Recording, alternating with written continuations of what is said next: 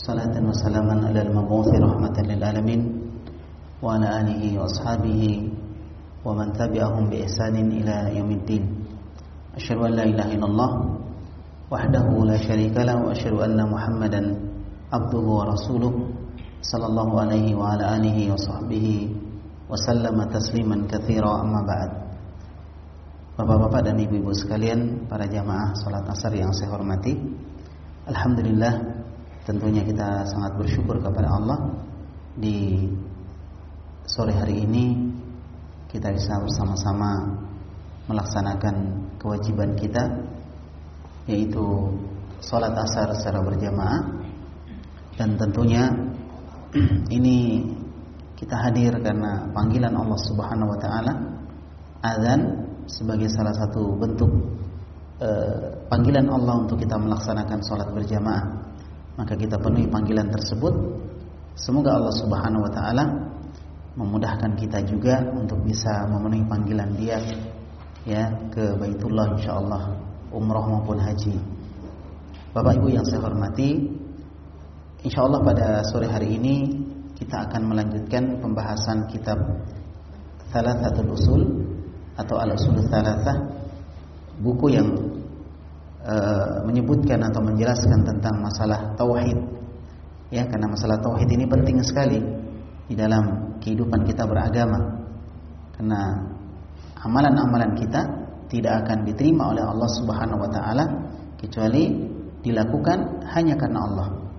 Amalan yang dilakukan karena pamer atau ria ya amalan yang dilakukan bukan karena Allah. Untuk selain Allah Subhanahu wa taala maka amalan itu tidak diterima, akan ditolak, dihapus pahala-pahala dari amalan tersebut. Allah Subhanahu wa taala berfirman, "La in asyrakta la yahbatanna amaluka." Kalau engkau wahai Muhammad e, menduakan Allah baik dalam masalah niat atau dalam masalah tujuan ya, maka akan terhapus seluruh amalan-amalanmu. Inilah yang dimaksud dengan kesyirikan. Syirikan itu akan menghapuskan amalan-amalan kita. Semuanya akan terhapus. Oleh karena itu, lawan dari kesyirikan yaitu tauhid itu perkara yang wajib untuk dipelajari oleh setiap muslim, oleh setiap muslim. Nah, tauhid ini tergambar dalam kalimat la ilaha illallah yang sudah kita sebutkan di pembahasan kita sebelumnya. Ya. Nah, sekarang kita masuk kepada pembahasan selanjutnya. Berkata penulis semoga Allah merahmati beliau, "I'lam rahimakallah. Ketahuilah semoga Allah Subhanahu wa taala merahmati kalian, menyayangi kalian. Di pembahasan sebelumnya kita sebutkan bahwa kalimat i'lam ketahuilah menunjukkan bahwa pembahasan yang akan disebutkan setelahnya itu penting sekali. Itu penting sekali. Nah, kemudian disebutkan semoga Allah merahmatimu. Semoga Allah menyayangimu. Nah, ini doa dari penulis untuk para pembaca, untuk para pendengar dan orang-orang yang mengkaji buku beliau. Semoga Allah menyayangimu. Karena kita butuh dengan kasih sayang Allah Subhanahu wa taala. Ya, dan seorang yang mengajarkan ilmu agama, maka dasar yang harus dimiliki adalah kasih sayang. Baikkan kepada orang-orang yang diajar. Sebagaimana Allah Subhanahu wa taala sebutkan di dalam Al-Qur'an, "Fabima rahmatin minallahi lintalahu." Dan disebabkan oleh rahmat Allah kepada engkau wahai Muhammad, engkau menjadi lembut kepada mereka. Ini salah satu ciri dari dakwah Nabi kita Muhammad sallallahu alaihi wasallam. Kelembutan, kebaikan, kasih sayang kepada orang-orang yang beliau dakwahi. Ya. Wa bima rahmatin minallahi lintalahu. Walau kunta faddan ghalidal qalbi lam min haulik. Seandainya engkau wahai Muhammad keras dan kasar, maka sungguh mereka itu akan lari dari darimu, tidak akan mengikuti dakwahmu, tidak akan mendengarkan nasihatmu. Ini ciri dari dakwah kita Nabi kita Muhammad sallallahu alaihi wasallam. Maka kita lihat ketika Nabi Muhammad sallallahu alaihi wasallam berdakwah di Taif, eh daerah Taif, itu beliau ditolak tidak diterima dakwah beliau. Bahkan yang terjadi adalah beliau dilempari batu sama orang-orang Taif. Sampai beliau lari ke semak-semak korma. Ya, ke kebun-kebun korma beliau lari sampai berdarah muka beliau, berdarah badan beliau karena dilempari batu oleh orang-orang Taif. Sampai datang kepada beliau malaikat Jibril bersama dengan malaikat penjaga gunung Abu Kubais. Ya, ada gunung yang besar, gunung Abu Kubais ada penjaganya. Ya, seorang malaikat datang kepada Nabi, kemudian malaikat Jibril memperkenalkan malaikat tersebut. Ini malaikat penjaga gunung Abu Kubais. Ya, perintahkanlah apa yang ingin kau perintahkan. Maka malaikat penjaga gunung tadi mengatakan, "Wahai Muhammad, jika engkau memerintahkan aku untuk mengangkat gunung Abu Kubais, lalu aku timpakan kepada penduduk Taif, maka aku akan melakukannya." Maka Nabi tidak mau.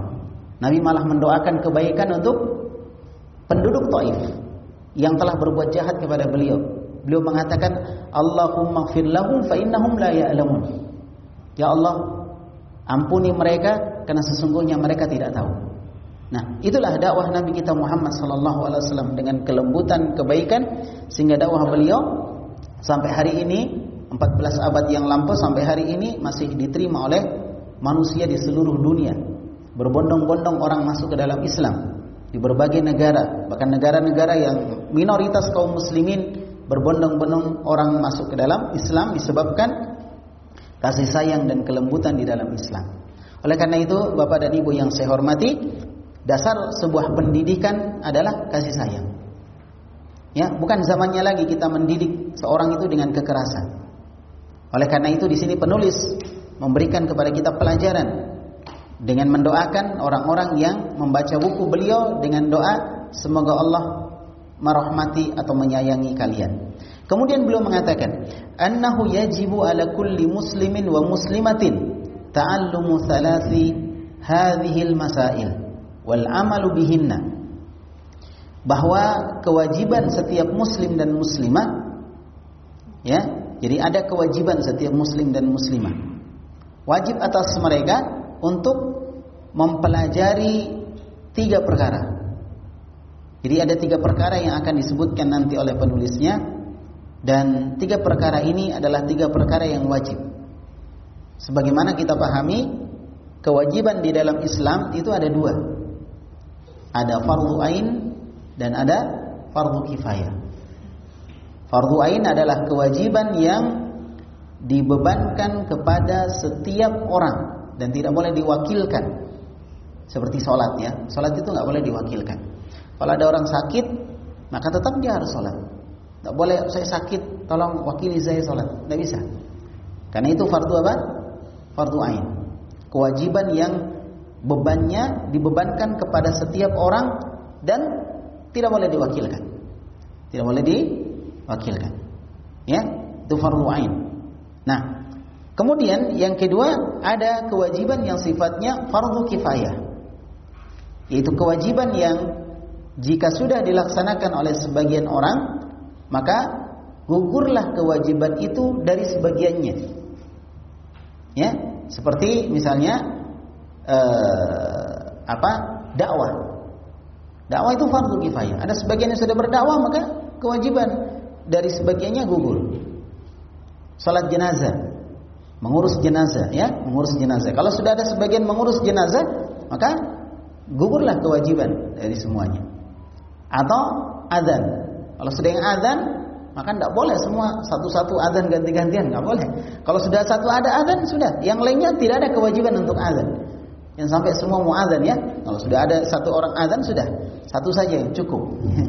adzan semua nanti bingung orangnya. Nah, itu namanya fardu kifayah. Fardu kifayah. Kalau sudah dilaksanakan satu orang atau dua orang atau yang sudah mencukupi, maka gugur dari sebagian yang lainnya.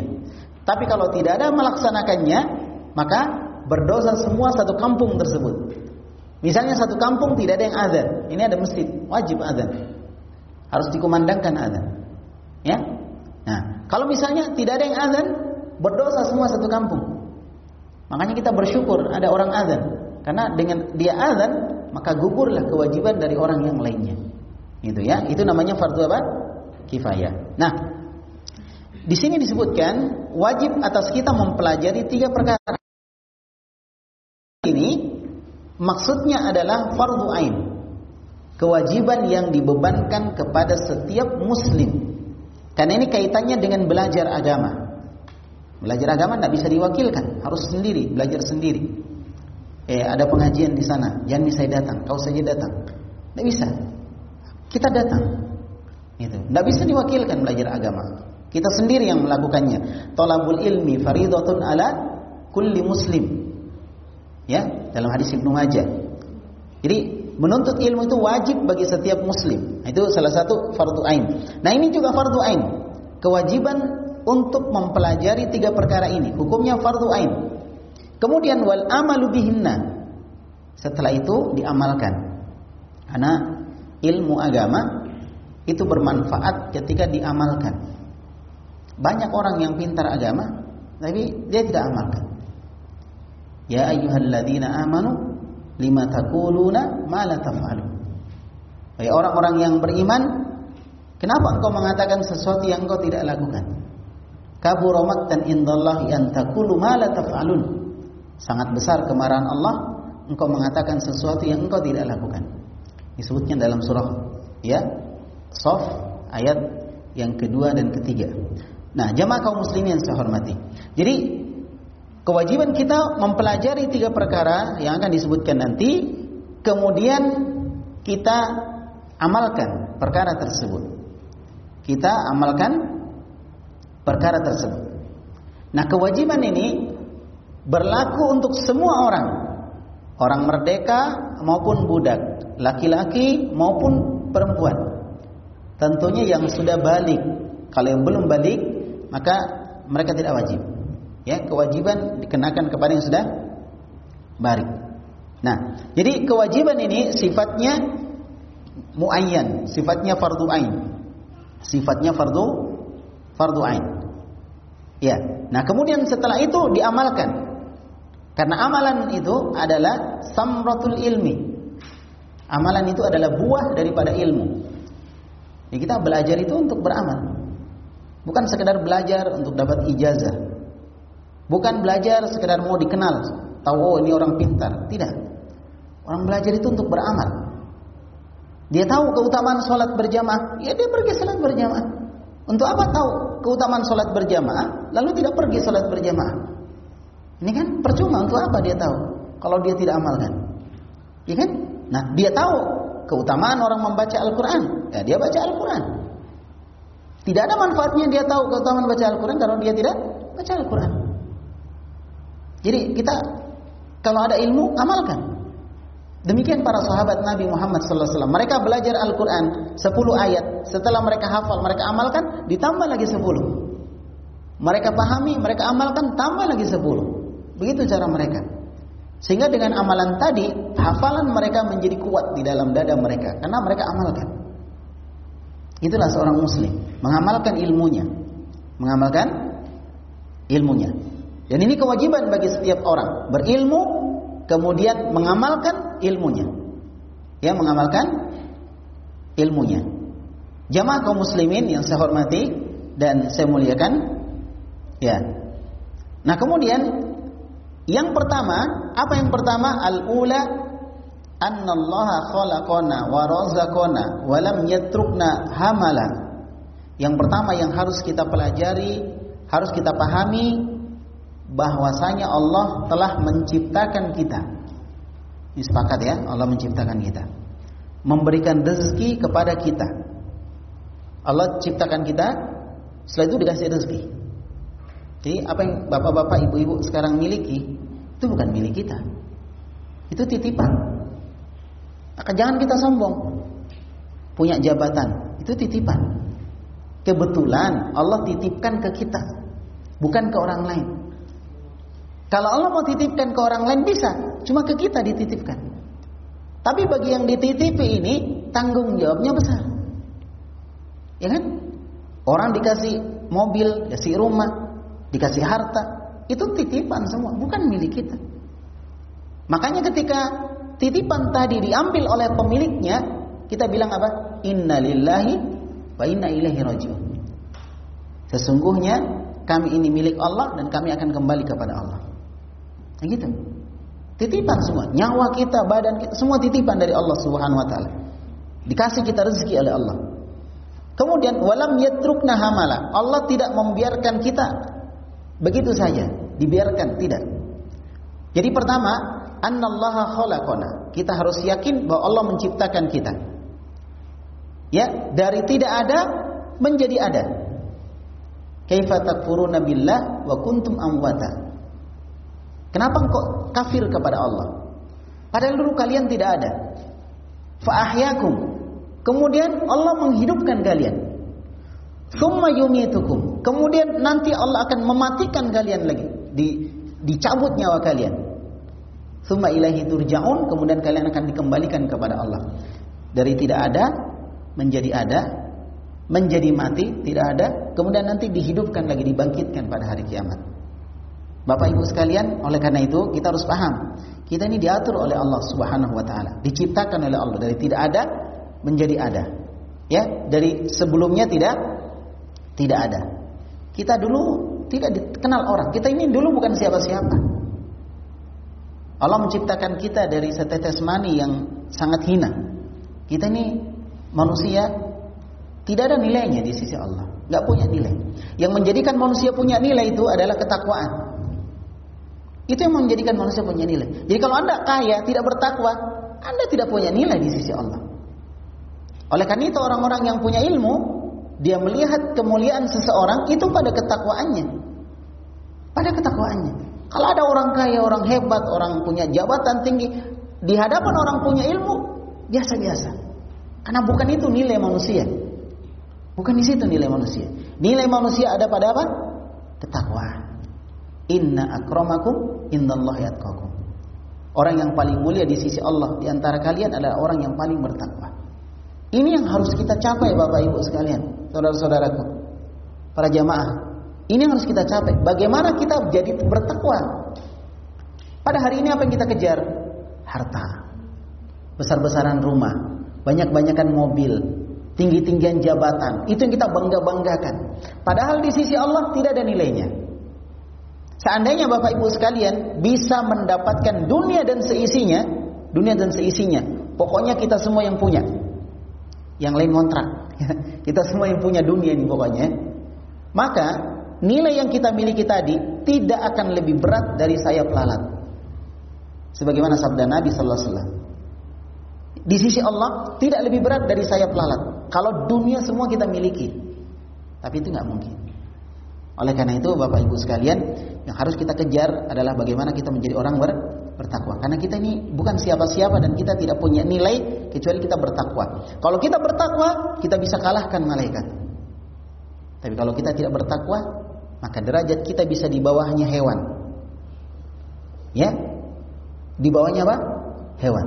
Ulaika kal an'am bal hum adall.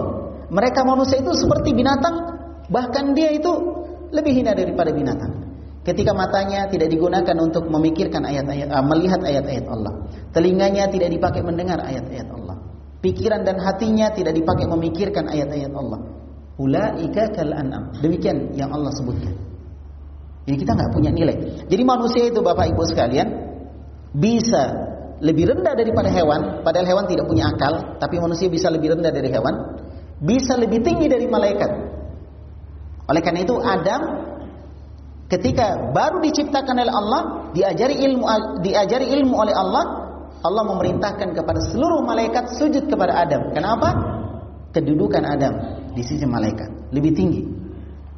Dengan syarat apa? Bertakwa kepada Allah Subhanahu wa taala.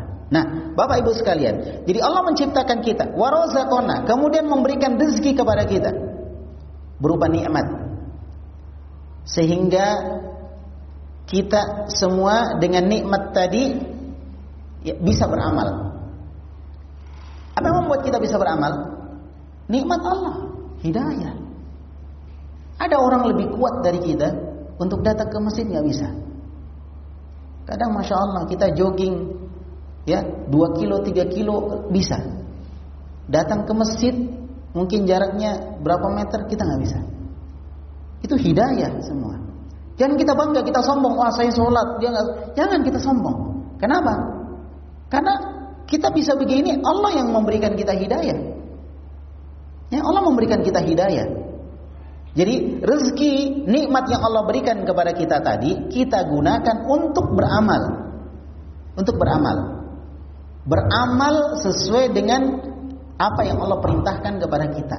Jadi harta itu kita cari bukan sekedar untuk bernikmat-nikmat, merasakan nikmatnya punya harta bukan, tapi dia membantu kita untuk beramal karena intinya adalah amal. Intinya adalah amal. Ya? Wa man kana yarju liqa rabbih falyamal amalan salihah. Siapa yang ingin bertemu dengan Allah, maka hendaklah dia beramal dengan amal yang soleh. Jadi intinya yang kita mau bawa Bapak Ibu di kehidupan nanti di akhirat amal soleh. Sekarang kita mungkin bisa meremehkan orang. Kamu itu siapa sih? Saya ini pejabat loh. Saya ini orang kaya. Kamu siapa sih gitu? Bisa kita sekarang begitu. Tapi di akhirat Allah tidak akan melihat itu. Inna Allah la yanzuru ila suwarikum wa ajsamikum walakin yanzuru ila qulubikum wa a'malikum. Nabi bersabda, sesungguhnya Allah tidak melihat kepada jasad dan rupa kalian, tetapi Allah melihat kepada amalan kalian dan hati kalian. Yang dilihat oleh Allah adalah hati kita, amalan kita. Oleh karena itu Bapak Ibu sekalian, Allah memberikan rezeki supaya kita bisa beramal dengan rezeki yang Allah berikan. Karena kita butuh itu. Kita mau sholat, ya kan? butuh pakaian. Mau pergi haji, pergi umroh, kita butuh uang, ya kan? Mau berzakat, kita butuh uang, kan gitu. Jadi Allah kasih kita rezeki supaya kita bisa mengamalkan amalan yang Allah wajibkan kepada kita. Bagi orang tua ya atau seorang suami kewajiban dia memberi nafkah kepada keluarganya. Maka dia butuh rezeki nikmat dari Allah. Ya kan? Membantu orang lain butuh nikmat dari Allah, diberikan kekuatan, kesehatan untuk bisa sholat dan lain sebagainya. Itu semua rezeki. Ya, dan kewajiban kita adalah yajibu alaina ma'rifatu anna Allah khalaqana min ba'dil adam wa aujadana ba'da an lam nakun syai'an madhkura wa razaqana. Jadi kewajiban kita sebagai seorang muslim adalah memahami dengan benar bahwa Allah telah menciptakan kita dari tidak ada menjadi ada. Dari tidak dikenal menjadi dikenal dari tidak pernah disebut menjadi disebut. Setelah itu, setelah kita diciptakan, Allah memberi kita rezeki. Rezeki yang nampak maupun yang tidak nampak. Rezeki untuk jasmani kita atau rezeki untuk rohani kita. Allah kasih semuanya, Allah kasih semua. Kita ini manusia lemah. Kita ini manusia lemah. Tidak ada yang kita bisa miliki. Semua Allah kasih kita. Termasuk petunjuk. Allah kasih kita petunjuk. Kadang kita mau sholat, eh tidak jadi sholat. Ya kan? Sudah semangat mau sholat. Pas azan, eh nggak jadi sholat. Karena hidayah ada di tangan Allah. Tiba-tiba berubah pikiran. Ada yang tadinya mau sedekah, tidak jadi sedekah. Ada yang tadinya tidak ada niat sedekah, tiba-tiba sedekah.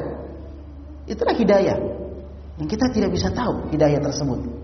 Ya, tapi Allah akan kasih hidayah itu kepada orang yang bersungguh-sungguh untuk mencari hidayah Allah Subhanahu wa taala. Nah, Bapak Ibu yang saya hormati, kemudian disebutkan walam yatrukna hamala. Allah tidak meninggalkan kita sia-sia. Maksudnya begini. Kamu sudah diciptakan oleh Allah. Kamu diberikan rezeki. Apakah selesai sampai di situ? Tidak.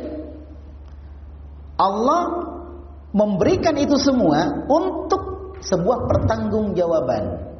Karena kita bukan hewan, kalau hewan hidup, makan, tidur, minum, makan, tidur, minum, sudah selesai.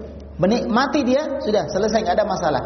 Manusia tidak. Manusia masih ada pertanggungjawaban nanti di alam kubur dan juga di akhirat. Makanya Allah tidak membiarkan kita seperti hewan. Tidak.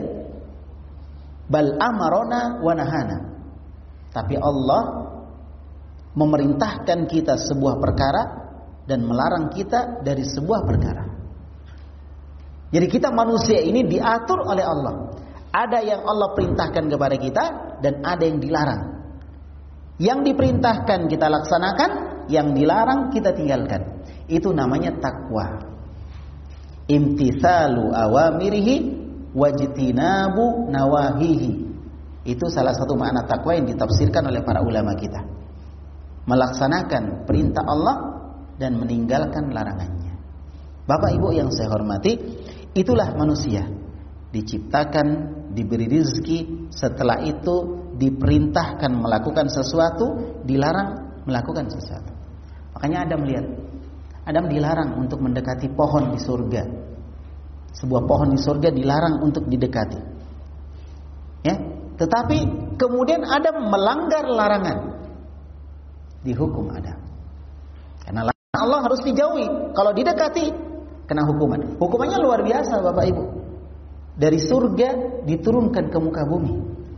Di surga apa pun yang kita minta ada.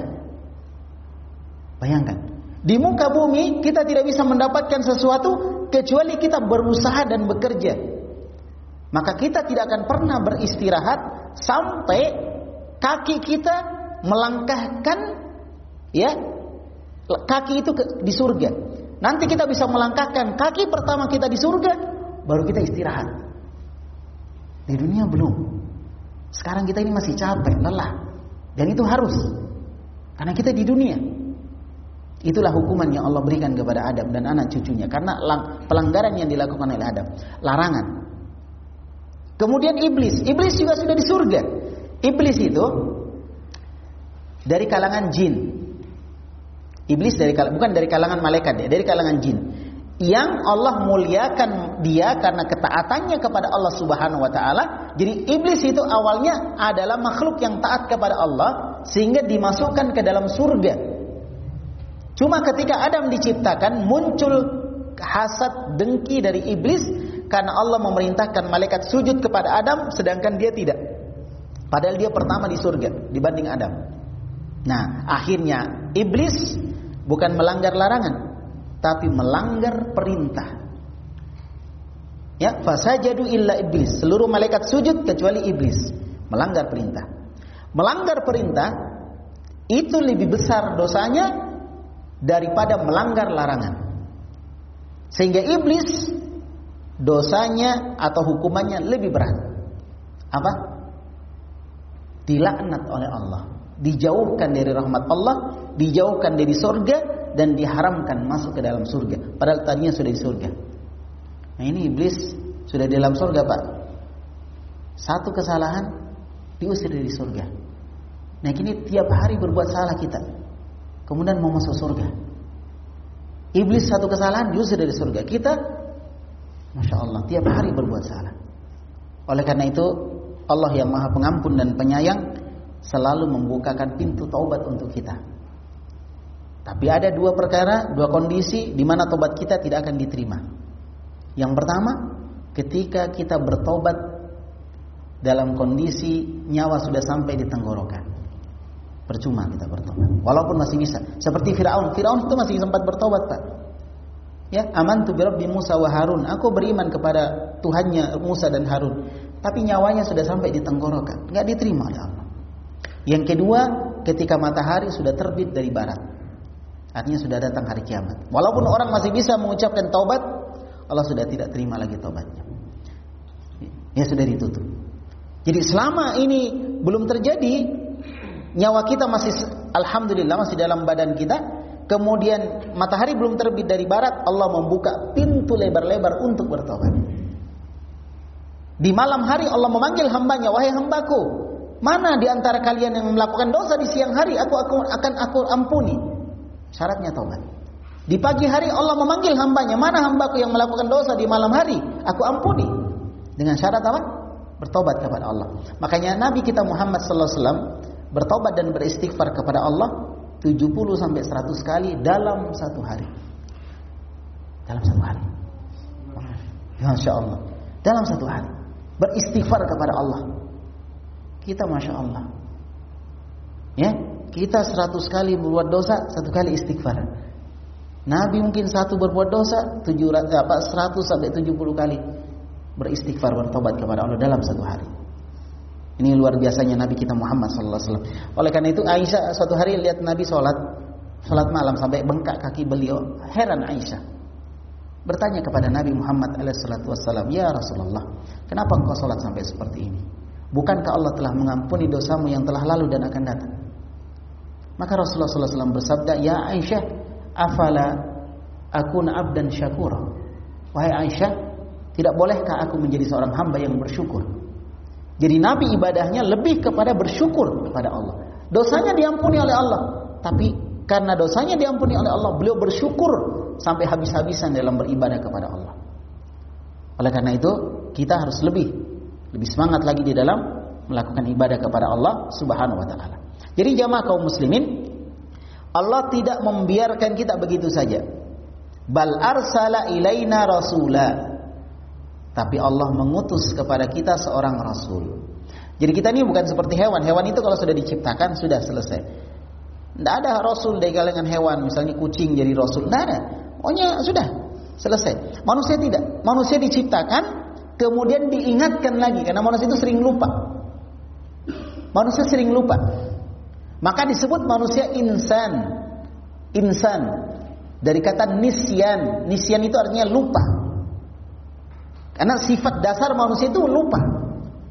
Maka harus selalu diingatkan. Makanya ada dakwah, ada ceramah, ada tausiah. Untuk apa? Mengingatkan manusia. Karena manusia itu sering lupa, sering sekali lupa manusia. Salat saja kadang lupa ini berapa rakaat ya gitu. Apalagi kalau orang sibuk ya, orang sibuk, ya orang sok sibuk, ya, biasa. Kalau salat dia lupa berapa rakaat ini. Maka manusia diingatkan oleh Allah. Nah, salah satu cara Allah mengingatkan manusia adalah mengutus kepada setiap kaum seorang rasul. Seorang rasul.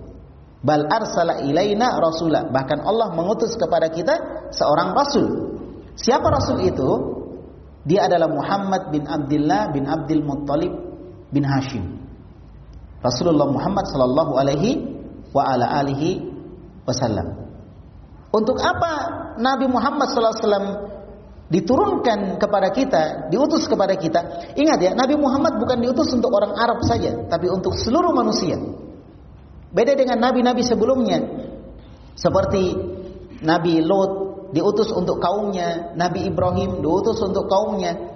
Ketika malaikat datang ingin membinasakan kaum Lot yang homoseksual itu, dibinasakan oleh Allah, malaikatnya kan sempat singgah di tempatnya Nabi Ibrahim. Karena masing-masing nabi, walaupun hidup di satu zaman, satu masa, masing-masing nabi punya umat sendiri-sendiri. Beda dengan nabi kita Muhammad. Nabi kita Muhammad diutus untuk seluruh manusia. Sampai disebutkan, seandainya Nabi Musa itu hidup, maka Musa pasti akan mengikuti saya. Kata Nabi Muhammad sallallahu alaihi wasallam. Ya, sungguh Nabi Musa akan mengikuti saya karena Nabi diutus untuk seluruh manusia untuk seluruh manusia. Nah, jadi Nabi Muhammad SAW diutus untuk seluruh manusia di akhir zaman. Makanya setelah Nabi Muhammad tidak ada lagi Nabi setelahnya. Kalau ada orang mengaku Nabi setelah Nabi Muhammad, maka dia pendusta. Ya, dia pendusta. Dia disebut oleh Nabi Dajjal minad Dajjajil. Jadi termasuk Dajjal. Orang-orang yang mengaku Nabi setelah Nabi Muhammad meninggal. Jadi setelah Nabi Muhammad meninggal sudah nggak ada lagi Nabi. Nah, untuk apa Nabi diturunkan oleh Allah? Diutus mubayyinan lana ma umirna bihi. Menjelaskan kepada kita apa yang diperintahkan kepada kita. Itu ada Al-Qur'an yang dibawa oleh Nabi dari Allah. Wahyu. Al-Qur'an itu dijelaskan di dalamnya semua yang Allah perintahkan dan semua yang Allah larang. Sisa kita mau pelajari atau tidak? Nah, itu saja. Kadang kita sudah bisa baca Al-Quran cukup. Tidak, baca terjemahannya. Kalau kita tidak tahu bahasa Arab, tidak ada masalah. Baca terjemahannya. Pahami isinya. Apa sih yang Allah inginkan? Itu kan surat itu. Tidak ada manfaatnya surat kalau kita tidak paham.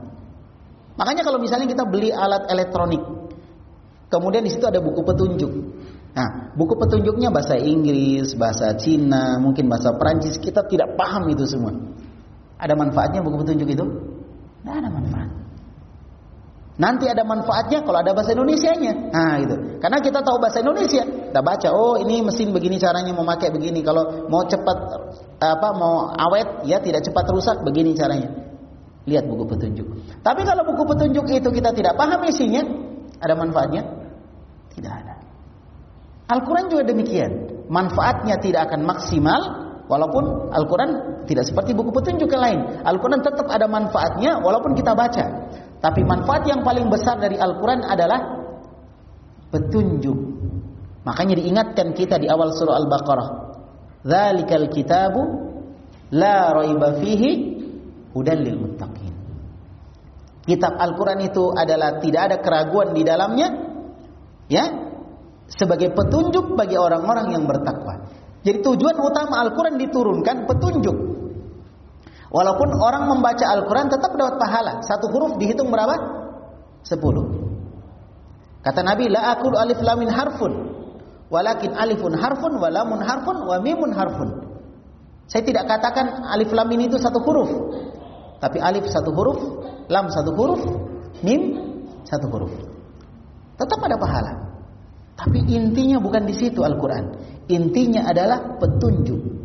Makanya harus dipahami. Nah, jadi Nabi Wasallam mengajarkan kepada kita menjelaskan apa yang Allah perintahkan, ya, watarka ma nuhina anhu, itu, dan menjelaskan kepada kita apa yang wajib untuk kita tinggalkan, meninggalkan apa yang dilarang. Nah, itulah tugasnya Nabi.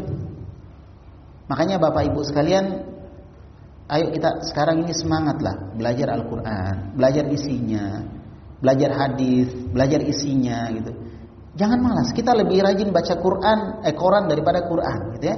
Kalau pagi sudah ada koran di meja kita dengan kopinya, dengan pisang gorengnya pagi-pagi ada koran di situ, tapi Quran nggak pernah kita sentuh.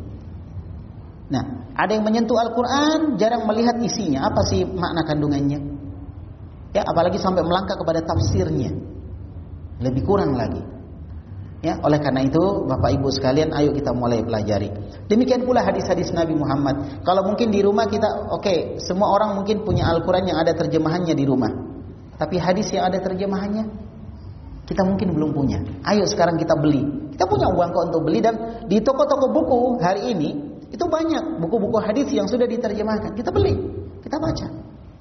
Dan kita lihat daftar isi dari hadis tersebut ini tentang ini, tentang ini, tentang ini. Kita lihat supaya kita paham apa petunjuk Nabi Muhammad sallallahu alaihi wasallam. Sekarang Nabi diutus kepada kita untuk apa coba? Untuk membantu kita supaya kita memahami jalan yang lurus, siratal mustaqim. Itu yang kita minta setiap sholat. Siratal mustaqim. Tapi kita sendiri jarang melihat hadis-hadis Nabi, jarang membaca. Dan membaca hadis-hadis Nabi nggak perlu kita sampai harus pengajian dulu nggak nggak harus. Di rumah bisa kita baca terjemahan-terjemahan itu. Nanti kalau ada tidak jelas ditanyakan kepada guru-guru kita, ustadz-ustadz kita, ya guru-guru agama ditanyakan kepada mereka tentang hadis-hadis yang kurang jelas tadi. Jamaah kaum muslimin yang saya hormati dan saya muliakan. Nah, kemudian disebutkan, jadi Allah tidak membiarkan kita begitu saja tapi Allah mengutus kepada kita seorang rasul. Faman atau aku dakhalal jannah. Siapa yang mentaati rasul itu, maka dia akan pasti masuk surga. Tidak akan bisa orang masuk surga tanpa mengikuti Rasulullah Muhammad sallallahu alaihi wasallam. Mustahil. Mustahil orang bisa masuk surga tanpa mengikuti Rasulullah Muhammad sallallahu alaihi wasallam. Ya, Faman atau aku fima amarahu bihi dakhalal jannah. Jadi siapa yang mengikuti perintah Nabi pasti masuk surga. Biar orang tidak suka, kalau Nabi perintahkan ya sudah taat. Biar orang tidak suka, kalau Nabi larang sudah tinggalkan, beres, selesai. Jangan ikuti kemauan orang. Kepala orang itu banyak, macam-macam kemauan orang. Kalau kita mengikuti kebanyakan orang, kita nggak akan mampu untuk beramal. Sebagaimana kata Imam Syafi'i. Kalau kamu mengikuti kebanyakan orang, maka kamu tidak akan mampu. Tidak akan mampu. Dan Allah sebutkan di dalam Al-Quran, La in tuti aktsara man fil ardi yudillukan sabilillah. Kalau kamu mengikuti kebanyakan orang, maka kamu akan disesatkan dari jalannya Allah. Jadi sekarang ikuti Nabi. Apa yang Nabi contohkan, apa yang Nabi ajarkan, itu kita ikuti. Kalau kebanyakan orang mau ikuti, habis kita. Contoh masalah makan, tidak usah kita jauh-jauh masalah makan dulu masalah makan. Nabi perintahkan kita untuk makan dengan tangan tangan kanan. Makanlah dengan tangan kanan. Kalau biasa kita di restoran ya ada dihidangkan makanan, di situ ada pisau sama garpu gitu kan. Biasanya pisaunya sebelah mana? Kanan ya kan? Garpunya kiri. Jadi setelah dipotong sama pisau, nanti makannya tangan kiri. Itu trennya. Tapi seorang muslim bukan itu diikuti tren itu enggak. Seorang muslim makanya dengan tangan kanan. Bolehlah dia potong misalnya dengan pisau tangan kanan. Nanti setelah itu dia tangan kanannya pegang garpu lagi, dia makan. Enggak apa-apa dibilang ketinggalan zaman, enggak ada masalah. Dibilangnya orang tidak keren, dibilangnya orang e, tidak modern, tidak ada masalah. Paham ya? Tangan kanan. Kenapa? Karena syaitan makan dengan tangan kiri, minum dengan tangan kiri. Demikian pula dalam masalah makan, kita baru bicara makan sudah banyak aturan dalam agama kita ya. Dalam masalah makan juga kita tidak boleh mubazir. Tidak boleh apa? Mubazir. Kalau ada makanan dihabiskan. Jangan mubazir, jangan dibuang-buang. Itu dan lain sebagainya. Tidak boleh berlebihan. Kulu washrabu wala tusrifu. Makan dan minumlah kalian tapi jangan berlebih-lebihan. Aturan-aturan makan ini. Kita belum bicara masalah yang lain, kita baru bicara masalah makan, minum. Sudah diatur. Ketika minum ada aturan juga dalam agama. Ya, untuk tidak bernafas di apa namanya gelas air minum kita. Gitu. Kemudian dalam masalah mengisi perut juga ada aturan. Sepertiga makanan, sepertiga minuman, sepertiga udara. Diatur semua itu. Nah itu sunnah-sunnah Nabi yang kecil-kecil itu. Insya Allah kalau sunnah-sunnah Nabi Muhammad SAW, ajaran beliau kita ikuti dalam kehidupan sehari-hari, maka insya Allah kita akan bahagia. Dalam masalah makan saya, kita mau, saya membatasi masalah makan. Terlalu luas kalau kita mau bicarakan semuanya. Dalam masalah makan saya, kalau kita ikuti Nabi, kita akan sehat. Kita akan sehat, kita akan segar, kita akan semangat, kita akan fit gitu. Mungkin sakit tapi jarang. Kenapa? Diatur makanan dengan baik. Salah satu sebab kenapa orang sekarang gampang sakit salah satu sebabnya tidak mengatur makanannya dengan baik. Tidak peduli nih makanannya gimana gimana nggak peduli.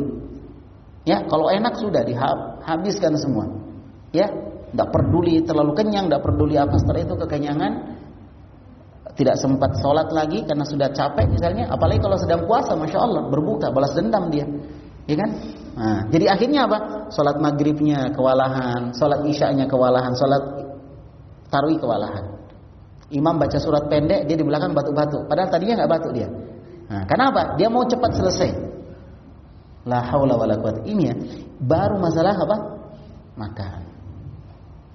Ya, masya Allah. Apalagi masalah yang lain, masalah ibadah dan seterusnya. Sekali lagi, faman atau aku eh, fima amarahu dakhala jannah. Siapa yang mengikuti Nabi terhadap perintah-perintah Nabi, maka dia akan masuk ke dalam surga. Faman asahu dakhalan nar. Siapa yang durhaka kepada Nabi, Nabi Muhammad, maka dia pasti akan masuk neraka. Siapa yang durhaka pasti masuk neraka. Pasti itu. Demi Allah, tidak ada jalan lain pasti masuk neraka. Kalau dia durhaka kepada siapa? Nabi Muhammad sallallahu alaihi wasallam.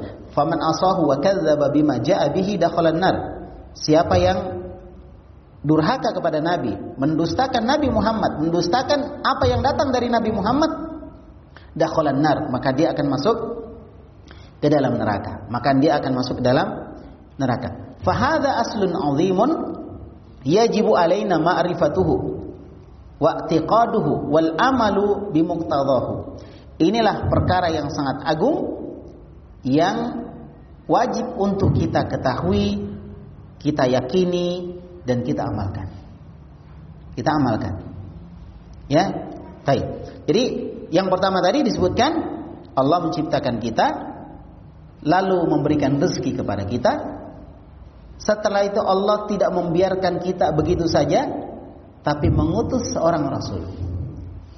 Siapa yang mentaati rasul itu, maka dia akan masuk surga dan siapa yang durhaka kepada rasul itu, maka dia akan masuk ke dalam neraka.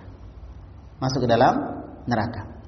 Allah Subhanahu wa taala berfirman di dalam Al-Qur'an, Inna arsalna ilaikum rasulan syahidan alaikum kama arsalna ila fir'auna rasula. Sesungguhnya kami telah mengutus kepada kalian seorang rasul. Siapa dia? Nabi Muhammad sallallahu alaihi wasallam. Ingat ya tidak ada rasul setelah Nabi Muhammad ya. Jadi Nabi Muhammad sallallahu alaihi wasallam. Rasul Muhammad sallallahu alaihi wasallam. Untuk apa? Syahidan alaikum. Sebagai saksi atas kalian. Jadi nanti kalau ada amalan agama yang kita tidak amalkan, maka kemudian kita mengatakan kepada Allah, "Ya Allah, aku belum tahu." Maka Rasul akan ditanya, "Wahai Muhammad, apakah engkau tidak sampaikan?" Nah, jadi Nabi Muhammad sebagai saksi, "Ya Allah, aku sudah sampaikan." Sisa mereka saja yang tidak mau mempelajarinya. Ini bukankah ini aku sudah larang? Ya Allah, aku tidak tahu. Gitu. Kenapa kamu tidak belajar? Aku tidak tahu kan. Karena belum disampaikan. Maka Nabi ditanya, apakah kamu tidak sampaikan? Nabi akan sampaikan, akan katakan, saya sudah sampaikan. Jadi tidak ada alasan lagi untuk kita tidak tahu. Ya, jadi Sesungguhnya kami telah mengutus kepada kalian seorang rasul sebagai saksi atas kalian. Kama arsalna ila fir'auna rasulan. Sebagaimana kami telah mengutus kepada Fir'aun juga seorang rasul. Fir'aun diutus kepada dia rasul. Siapa dia? Nabi Musa alaihissalam. Apa tanggapan Fir'aun? Fa'asa Fir'aunur rasulah. Maka Fir'aun durhaka kepada Rasul yang diutus itu kepada Nabi Musa. Apa yang terjadi?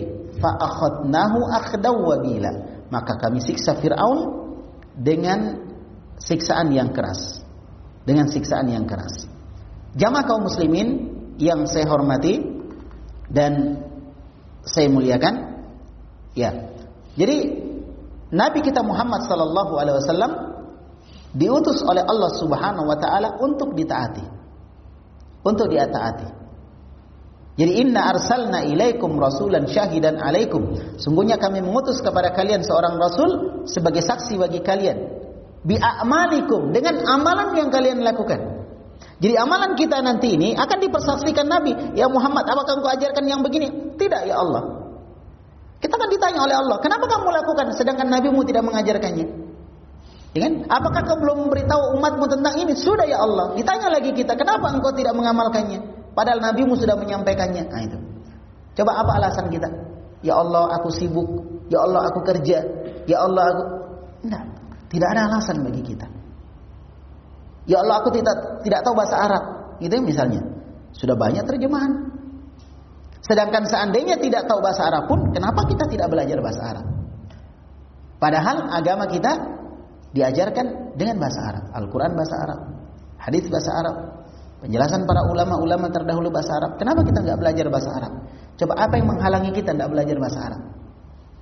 Kenapa kita tidak semangat untuk belajar bahasa Arab? Coba kita pikir baik-baik. Kenapa bisa? Ada apa dengan kita? Gitu. Ya, tidakkah kita ingin memahami Al-Quran? Tidakkah kita ingin memahami hadis Nabi Muhammad SAW? Tidakkah kita ingin memahami penjelasan para ulama tentang Al-Quran dan hadis? Dari tafsir ataupun penjelasan hadis? Kalau kita ingin, kenapa kita tidak belajar bahasa Arab? Coba, apa yang menghalangi kita? Kalau kita ditanya oleh Allah, apa jawaban kita nanti? Coba. Coba, apa jawaban kita? Kita bilang bahasa Arab susah, buktinya bahasa Inggris bisa. Kalau bahasa Arab, apa tulisannya, itu dibaca. Kalau bahasa Inggris, apa tulisannya, beda dibaca. One dibaca one, oh, kan jauh nih. Oni dibaca wan kan jauh sekali. Tapi kita bisa. Apalagi bahasa Arab yang Allah sebutkan apa? Walaqad yassarnal Qur'ana lidzikri fahal mudzakir. Sungguh kami telah memudahkan Al-Qur'an untuk diingat. Maka siapa yang mau menjadikan Al-Qur'an sebagai peringatan? Nah, termasuk di antara kemudahan Al-Qur'an adalah bahasanya. Artinya bahasa Arab itu mudah. Cuma kita yang belum mau untuk mempelajarinya. Nah, jamaah kaum muslimin yang saya hormati dan saya muliakan. Jadi sekali lagi, amalan-amalan kita akan dipersaksikan oleh Nabi. Jadi jangan beramal macam-macam karena Nabi akan disaksikan, akan di, dinilai oleh Nabi. Ini tidak saya ajarkan, ini saya ajarkan, ini tidak saya ajarkan. Karena Nabi sebagai saksi. Hadza makna syahadatihi ala ummatihi yaumal qiyamah. Ini makna persaksian Nabi kepada umatnya pada hari kiamat. Pada hari kiamat Nabi akan jadi saksi. Ya, syahidan alaina bi a'malina. Dia akan menjadi saksi atas kita terhadap amalan-amalan yang kita lakukan. Allah berfirman dalam Al-Qur'an, "Wa yakunur rasulu 'alaikum syahida." Dan Rasulullah akan menjadi saksi atas kalian. Dan Allah berfirman, "Wa kadzalika ja'alnakum ummatan wasata." Demikianlah kami jadikan kalian semua sebagai umat pertengahan. Adalan khiyaran, umat pertengahan dan umat pilihan. Litakunu syuhada'a 'alan nas, supaya kalian semua menjadi saksi terhadap manusia. Wa yakunur rasulu 'alaikum syahida dan rasul menjadi saksi atas kalian. Jadi gini Bapak Ibu. Amalan-amalan kita pada hari kiamat akan dipersaksikan oleh Nabi. Dan amalan manusia selain kaum muslimin akan dipersaksikan oleh kaum muslimin. Akan dipersaksikan oleh apa? Kaum muslimin. Itulah kelebihan Muhammad dan umatnya. Ya, dan umatnya. Jamaah kaum muslimin yang saya hormati dan saya muliakan. Nah, kemudian di sini disebutkan fa asaw fir'aun ar-rasula fa akhadnahu akhdaw wabila. Jadi sudah diutus kepada Firaun itu seorang rasul, tapi Firaun durhaka kepada rasul, maka Allah menyiksa dia dengan siksaan yang sangat keras. Ya, wa akhadnahu akhdaw wabila ay syadidan wa dzalika bi ighraqillahi lahu fil bahr. Jadi Allah menyiksa Fir'aun dan tentaranya, bala tentaranya dengan siksaan yang keras. Gimana bentuk siksaannya? Di dunia Allah menenggelamkan Fir'aun di lautan. Bayangkan laut terbelah, dia jalan di tengah, tenggelam.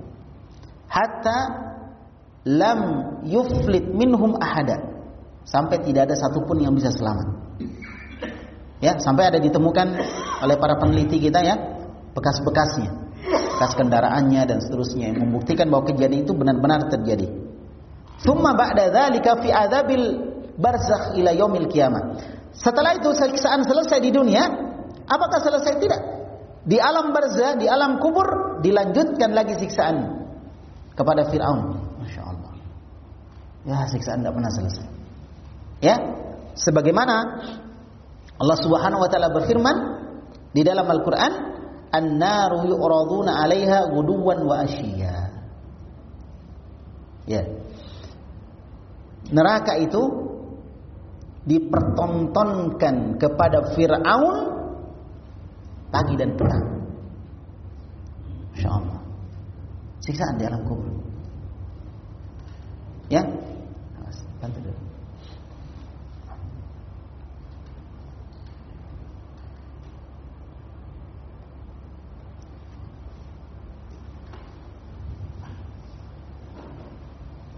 Ya, jadi kita merasa bahwa kalau orang sudah meninggal selesai urusan. Oh, ternyata tidak. Dan siksaan di alam barzah lebih berat, lebih keras daripada siksaan di dunia.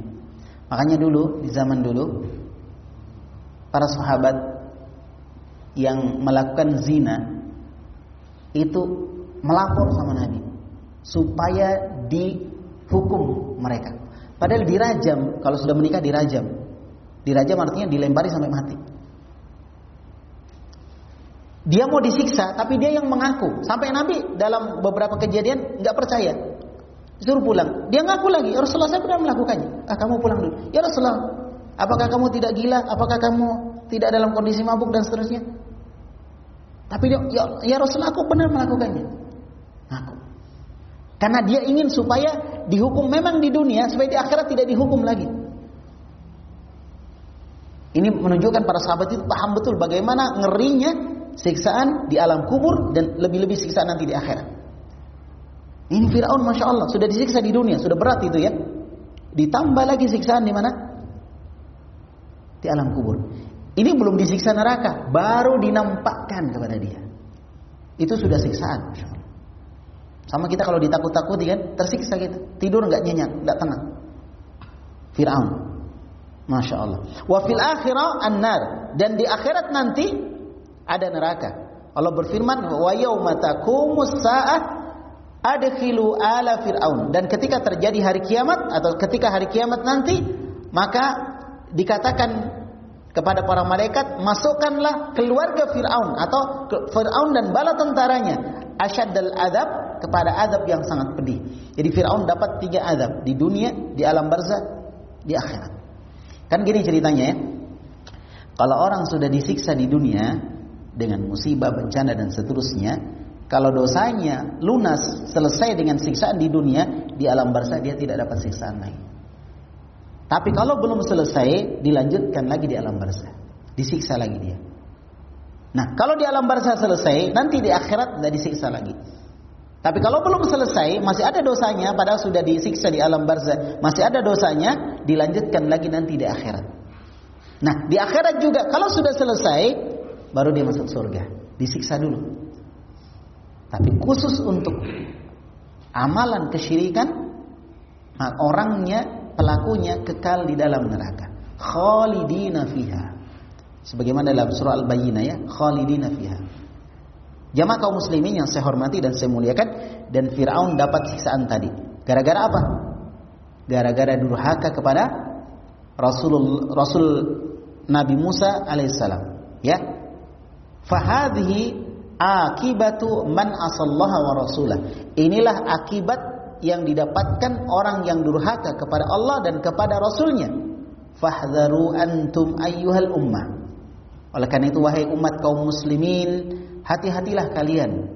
Durhaka kepada Allah, durhaka kepada Rasulullah. Antasu nabiyakum. Hati-hatilah kalian durhaka kepada nabi kalian.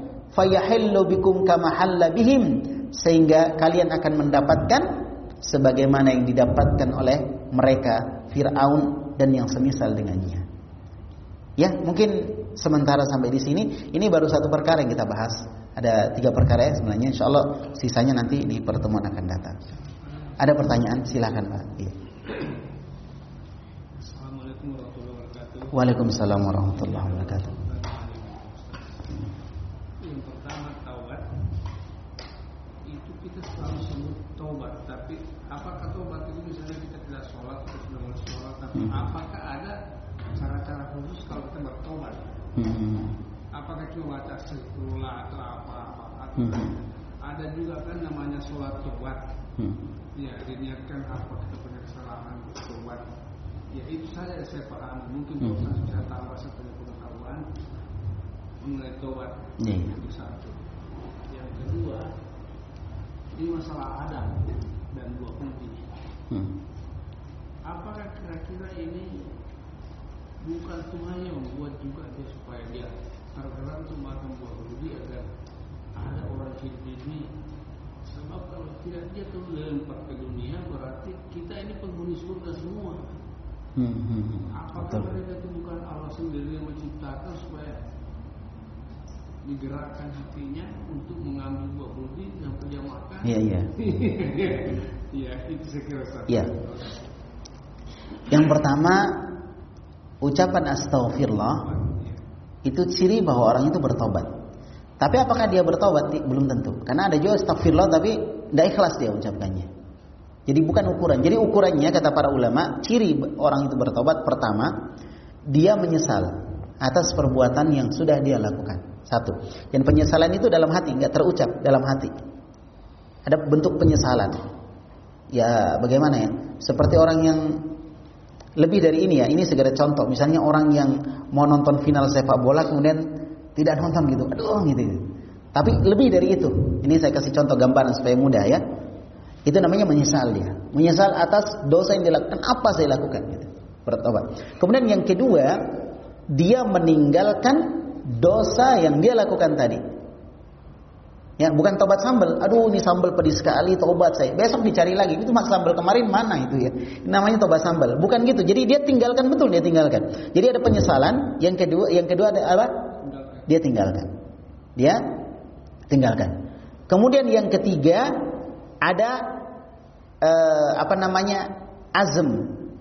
Azam atau perasaan di dalam diri yang kuat untuk tidak mengulangi lagi. Itu namanya azam. Perasaan untuk tidak mengulangi lagi. Kemudian yang keempat adalah dia benci untuk masuk ke dalam kemaksiatan yang dia lakukan seperti bencinya dia dimasukkan ke dalam neraka. Gitu. Nah, kalau ini ciri ini sudah ada, berarti menunjukkan itu tobat. Berarti sudah ada di situ meninggalkan dosanya, berarti dia ganti dengan kebaikan, sudah ada bentuk penyesalan, sudah ada niat untuk tidak mengulangi lagi dan lain sebagainya. Itu empat syarat tobat. Ada yang kelima, kalau ini berkaitan dengan orang lain, yaitu mengembalikan hak orang lain. Kalau dia mencuri, berarti misalnya 500 juta dia curi, dikembalikan 500 juta itu kepada yang punya. Itu hak. Kalau kalau kaitannya dengan orang lain, jadi empat ditambah lagi satu. Itu namanya tobat. Adapun istighfar, istighfar itu adalah menguatkan apa yang ada tadi.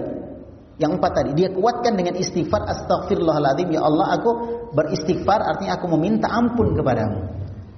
Itu. Jelas ya? Itu istighfar untuk menguatkan. Tapi itu bukan ciri. Cirinya tadi empat itu yang ada. Kalau itu sudah ada, itu menunjukkan orang itu bertobat. Orang itu bertobat. Nah, kedua, kaitannya dengan masalah Adam mendekati pohon yang dilarang oleh Allah, kemudian dia makan pohon itu, dia dekati pohon tersebut. Apakah Allah yang seakan-akan Allah yang apa? Mengaturnya supaya nanti eh, ada ada yang tinggal di dunia gini. Itu namanya takdir. takdir itu adalah sesuatu yang Allah dari kejadian yang belum terjadi tapi Allah sudah tahu. Jadi Allah menciptakan dunia karena Allah, Allah sudah tahu nanti akan terjadi begini. Tapi Allah tidak memaksa Adam untuk makan itu. Adam yang melakukannya sendiri karena Allah tidak apa? Wa ma ana bidzallamin lil abid. Aku tidak pernah mendolimi hambaku. Jadi kalau Allah yang perintahkan, Allah yang larang. Allah juga yang arahkan supaya Adam makan. Dolim namanya. Nggak mungkin ada pada Allah. Cuma Allah tahu Adam pasti akan makan. Atau apa Adam pasti akan mendekatinya gitu. Itulah namanya ilmu Allah dari sesuatu yang belum terjadi tapi Allah sudah tahu. Itu namanya takdir. Itu namanya apa? Takdir. Allah Subhanahu wa taala berfirman, uh, "Innallaha la yughayyiru ma biqaumin hatta yughayyiru ma bi anfusihim." Allah tidak akan merubah nasib suatu kaum sampai dia sendiri yang merubahnya. Jadi dia memang keinginan Adam, cuma keinginan Adam sebelum dia keinginan itu muncul, Allah sudah tahu.